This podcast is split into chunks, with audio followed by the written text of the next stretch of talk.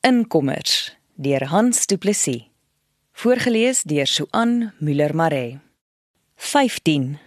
Iewers in matriekrond het Mara se droom vir haar 'n boodskap geword dat net sy self haar terugkeer kom toe sou bepaal.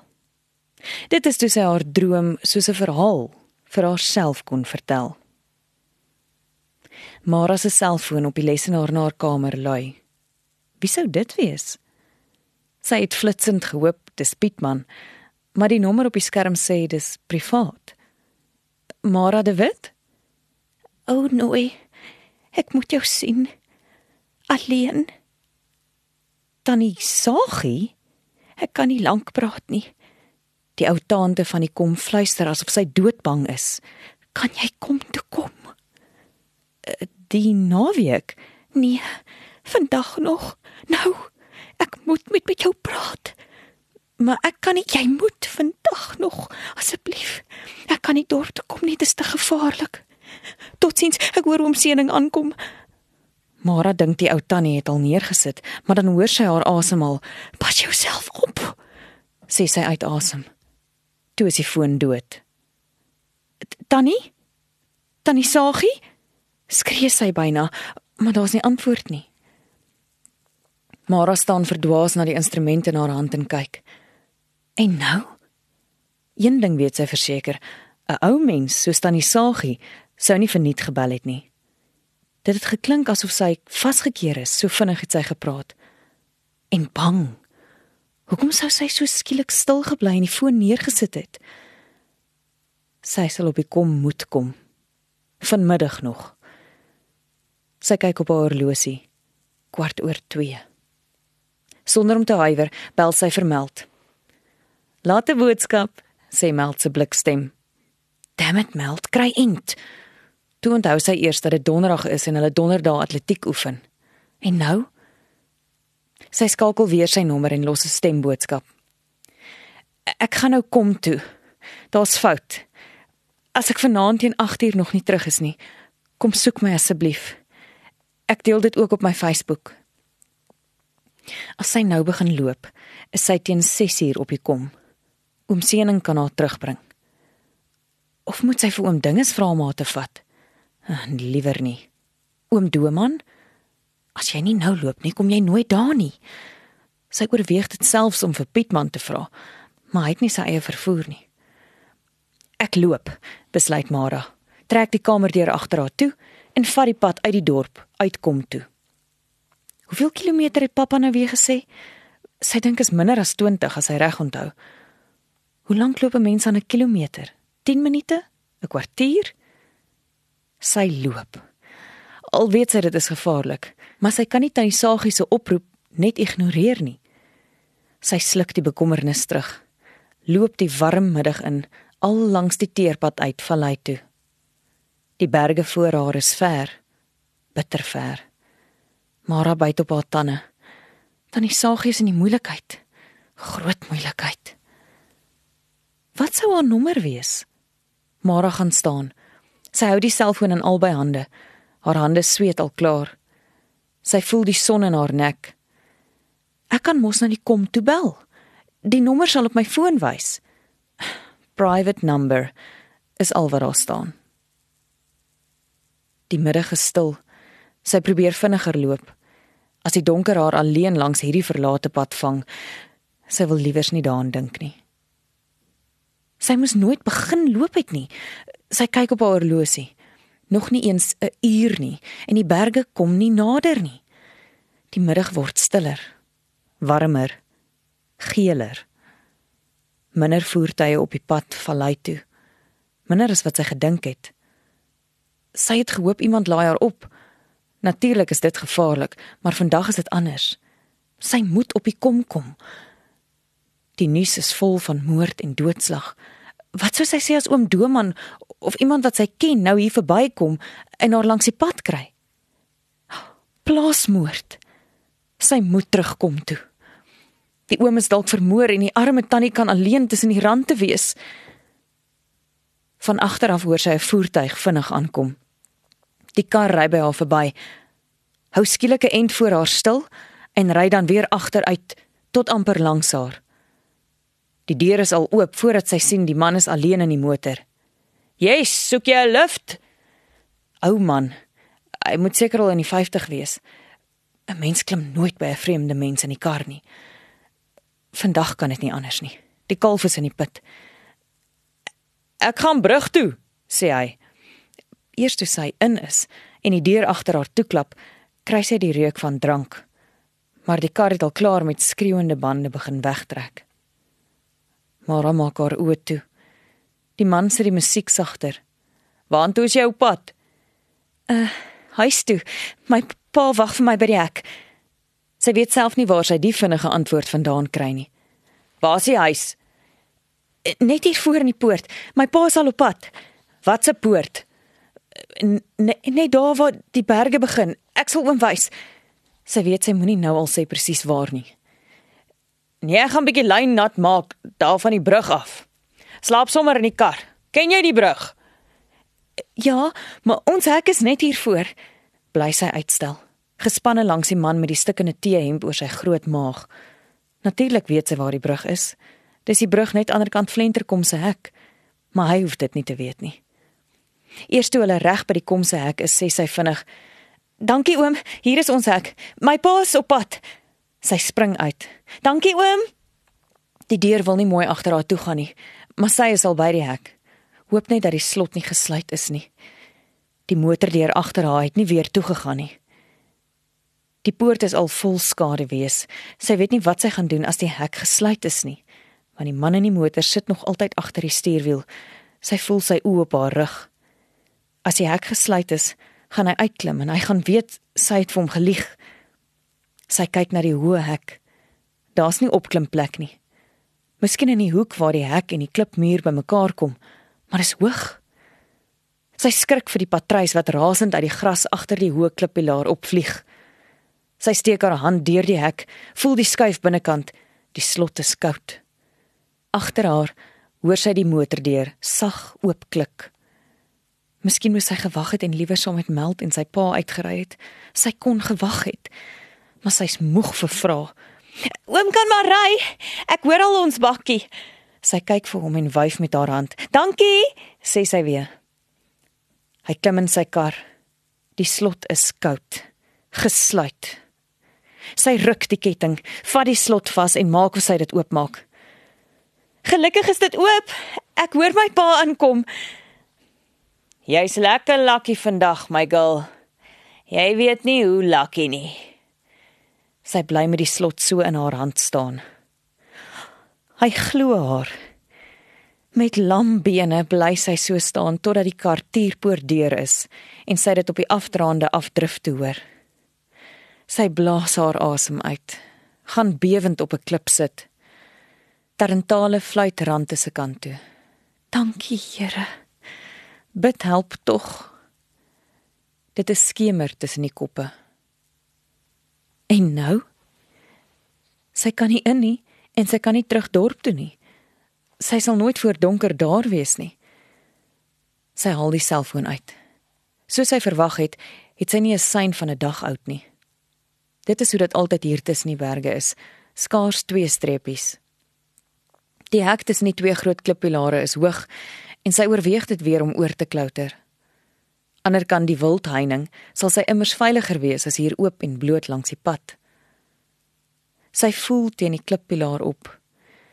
Hier is tog genoeg vasdrapplek en sy kan aan die hek vashou. Sy sit die selfoon in haar denim se sak en vat die eysterspar van die hek vas met haar linkerhand.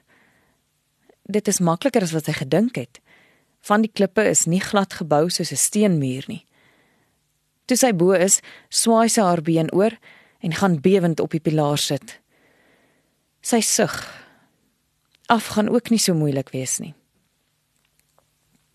Vir wie het sy almal gesê sy kom kom toe? Net vir meld. Nee, onthou sy. Sy het mos vir Dermpie ook 'n boodskap gelaat. Dalk sê sy vir haar pa. 'n Voertuig van die dorp se kant af. Sy klim aan die ander kant af en maak haar lyf skraal teen die hekpilaar. Nie dat dit juis nodig is nie, Die pilaar is breed genoeg vir drie van haar grootte. Tog klop haar hart bonsend. Wie ook al in die voertuig is, sal doelbewus na die hek toe moet kom om haar raak te sien. Sy hoor die voertuig spoed verminder. Haar oë gaan weer toe in 'n skietgebedjie. Asseblief. Maar sy weet nie asseblief wat nie.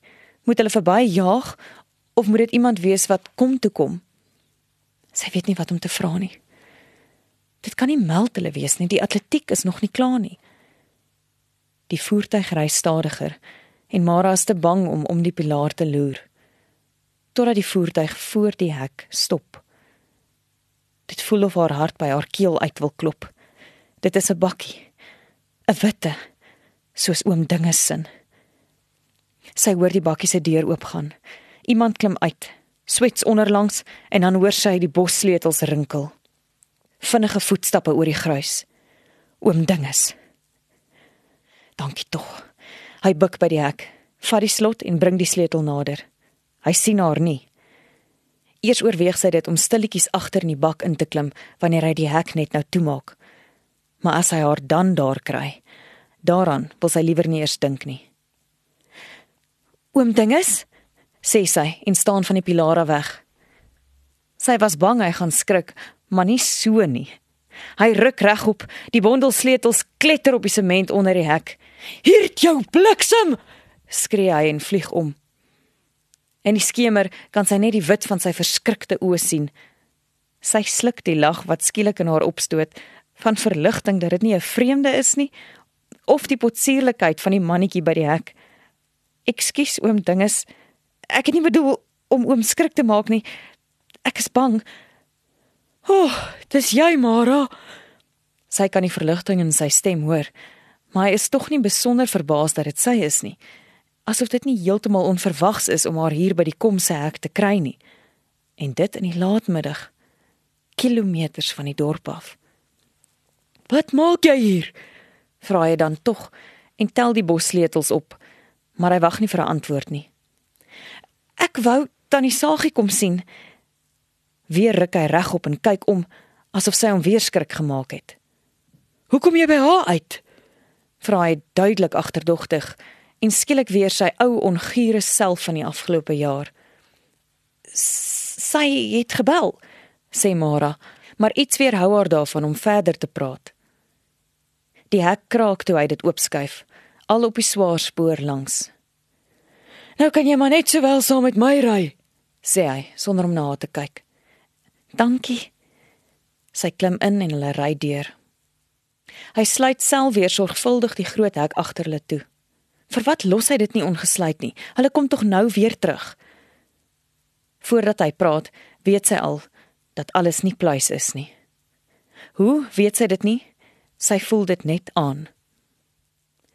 "Vir wie het jy nog gesê jy kom hier na toe?" vra hy aggressief toe hy die deur agter hom toeklap. "Vir niemand nie. Jy lieg." Daar's geen vriendelikheid meer in sy stem oor nie. Hy skakel ook net die bakkie se ligte aan nie en kronkel in die sterk skemer tussen die rande in. Ek het vir niemand gesê nie. Mara krimp in die hoekie van die kajuit weg. Net vir Dermpie en Meld. Sê sy so sag dat dit seker onoortuigend klink. Jy vang my nie met daardie triek nie. Dit weer galm deur die klein ruimte van die kajuit. Hoe weet oom dan ek is hier? Hy lag. En dit is nie 'n mooi lag nie omdat jy nie so slim is as wat almal dink nie. Stilte. Ek het vermeld 'n WhatsApp gestuur, sê sy sag. Sy het vroeër vandag gedink sy weet wat bang is. Maar nou weet sy hoe bang eintlik voel. En sy kan nêrens heen nie. Sy is vasgevang in die kajuit van 'n klein bakkie saam met die man vir wie sy lankal bang is. Miskien moet sy die deur oopklik en in die skemerbosse inhol tussen die bome in. Jy is toe nie so slim soos wat jy gedink het nie, lag hy weer. Solank hy bly ry, is daar nog uitkom kans, dink Mara. Haar hande is taai van die sweet. By die opstal wag oom Sening en tannie Sagie. Hy sal niks waag as hulle by is nie. Tant Sagie verwag my. Ek het gesê ek kom vanmiddag. Sy wag vir my. Sy wens sy kan die bewerasie uit haar stem uitkry. Sy sluk droog en probeer dringender praat. Hulle weet ek kom. Wat daarvan? Hulle sal my kom soek. Hy lag. Die bakkie brom 'n opdraande uit. sak dan af in die donker kloof waar die suiping vir die wild is. Toe eers sit hy die bakkie se ligte aan. 'n Jong sebra spring verskrik uit die pad uit. Mara merk dit skaars op, bly net bang teen die deur sit. Miskien moet sy so min as moontlik praat sodat hy nie weer so woedend word nie, sodat hy nie agterkom hoe bang sy is nie. En nou kry jy weer die stilstype, smaal hy. Wat wil jy dan hê moet ek sê? Onder in die kloof waar sy weer die pad skerp regs onder die hoë hakdoring draai, ry hy stadiger. Hou skielik stil en skakel die engine af. Tik, tik, koel dit in die stilte af. Die bakkie se ligte gooi nog 'n wit streep deur die bosse voor hulle. Dan klik dit onheilspellend af. Die swaar skemer is onrustig. In haar linkerhand klem sy die deur se koue handvatsel. Sal hy haar nie donker kan vang? Asseblief, bid sy saggies. Klim uit, beveel hy. Mara is te geskok om te beweeg. Ek sê, klim uit! Skree hy woest toe sy nie dadelik reageer nie. Sy krimp in die hoek in. Wil hy haar vermoor? Hy is selfs erger as die oom dinges wat sy oor die afgelope jaar leer ken het. Hierdie man skree asof hy weet sy sal moet doen wat hy sê. Oom dinges het skielik 'n soort selfvertroue wat sy nie ken nie.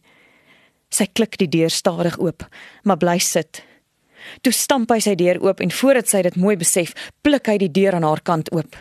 Sy vingers grawe in die vleis van haar linkerskouer. Sy probeer aan die stuurwiel vashou toe hy ruk. Klou, maar dan voel sy hoe haar greep gly en hoe hy haar uit die bakkie trek. Buite moet sy keer om nie haar balans te verloor nie. Sy gryp aan die oop deur vas. Die skree kom nie by haar mond uit nie.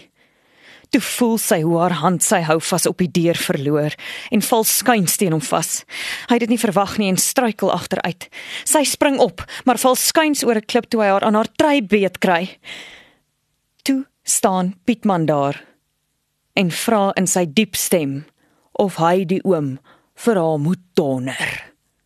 Mara gil en word elke keer van haar eie gil wakker totdat sy uiteindelik op 'n nag haarself wys maak dat die nagmerrie 'n boodskap is wat haar dwing om haar erfenis op te eis en te bewaar voordat haar oom die grond gryp.